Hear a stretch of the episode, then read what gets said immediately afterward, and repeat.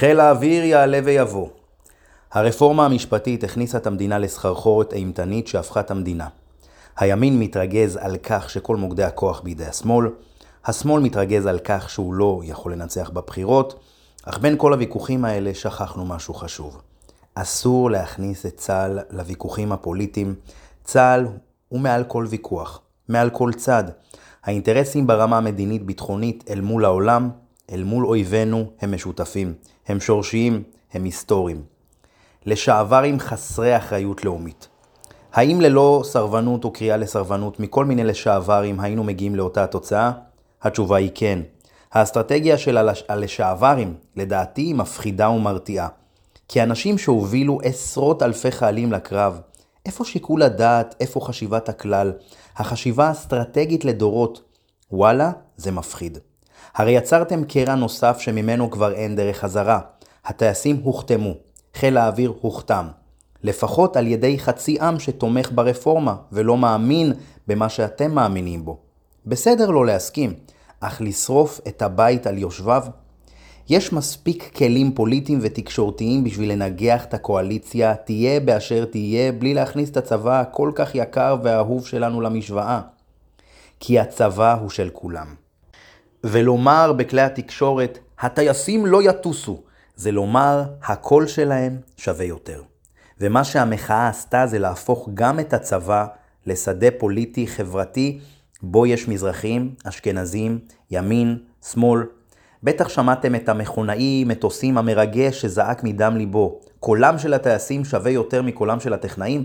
אז אני אומר מעכשיו שלא אגיע יותר למילואים. בסיום הוא כמובן ציין שיגיע לכל מה שצריך. רציתם לנצח? יצרתם פילוג אדיר בתוך אחת המערכות הרגישות בישראל. ומה עם מטס חיל האוויר המסורתי בעצמאות? חצי עם כבר לא יגיע להרים לטייסים, כי מבחינת חצי עם, הטייסים בגדו בו, השפילו אותו, תקעו לו סכין בגב. חצי עם כבר לא יחפש את ילדיו לטייסים. אתם מבינים את הנזק שעשיתם? ומי שתומך בהם זה עוד דור שילדיכם יגיעו לצבא וידברו איתם על מזרחים ואשכנזים, בזמן שיל... שילדיכם האשכנזי נשוי למזרחית והמזרחי נשוי לאשכנזית, האתיופי נשוי להונגרית והרוסייה למרוקאי.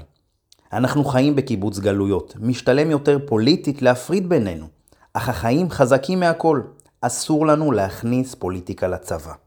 ומה חיל האוויר יכול לעשות? הסרבנים חייבים להתנצל בפומבי. צריכים להיות הדחות של הממרידים, הורדות דרגה, כי אחרת יותר מחצי עם ירגיש אזרחים סוג ב'. ולמי זה טוב? הצבא חייב להיות נחוש ולהעיף מקרבו סרבנים, או כאלה שהופכים את הצבא לכלי פוליטי ומסכנים את חיינו ואת המרקם החברתי העדין בין כל המגזרים פה. אפשר להתחיל בהתנצלות מתוקשרת, אך להוציא פקודה צה"לית חד משמעית, סרבנים יורדו בדרגה עם, עם אפס פנסיה. סרבנות פוליטית קורעת הצבא מבפנים, אפס פוליטיקה בצבא, אפס סבלנות לזה, כי כל דבר כזה מחזיר אותנו לשנות החמישים ולימי הפנקס האדום מבחינת יותר מחצי עם. מהסבל אנחנו ניבנה.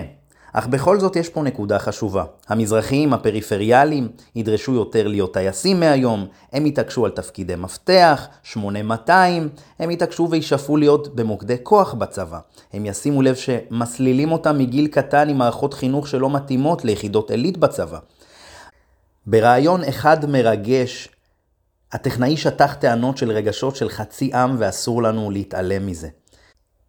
ומהקלקול שהלשעברים יצרו תצא חברה מתוקנת, מגוונת ויותר שוויונית. המקללים יצאו מברכים. לסיכום, הטלטלה החברתית שאנו עוברים היא לא ייחודית לישראל. דמוקרטיות יצטרכו להתעדכן לעידן האינדיבידואלים, וההנהגה תהיה קטנה יותר ומקומית. אחרת בטח בישראל יהיה בלתי ניתן למשול. צעד אחד קדימה, 200 אחורה. בריאות, תשתיות, דיור, תחבורה, כמה עבודה יש לנו פה, ש-90% מסכימים עליה. בואו נתחיל מזה. קואליציה קמה, אופוזיציה שורפת. מכל הצדדים. אותי לא מעניין ימין, שמאל, רוצה מדינה שנוכל לחיות בה ביחד, עם כל הדעות. הגיוון מבורך. משעמם לחיות שכולם חושבים כמוך, כולם דומים לך. גיוון הוא קריטי לצמיחה שלנו כבני אדם. תעצרו רגע להקשיב לצד השני. היכנסו רגע לנעליים שלו ותדברו בקולו. זה מסע מרתק אל עצמכם. כפרה עליכם. תעזבו את הצבא. המקום היחיד בו כולם באמת מרגישים אחים. הצבא הוא כלי חיבור, לא פירוק. הצבא הוא של כולנו. עם אחד, גורל אחד. אני הייתי בן סולומון, שיהיה לכם חג פסח כשר ושמח.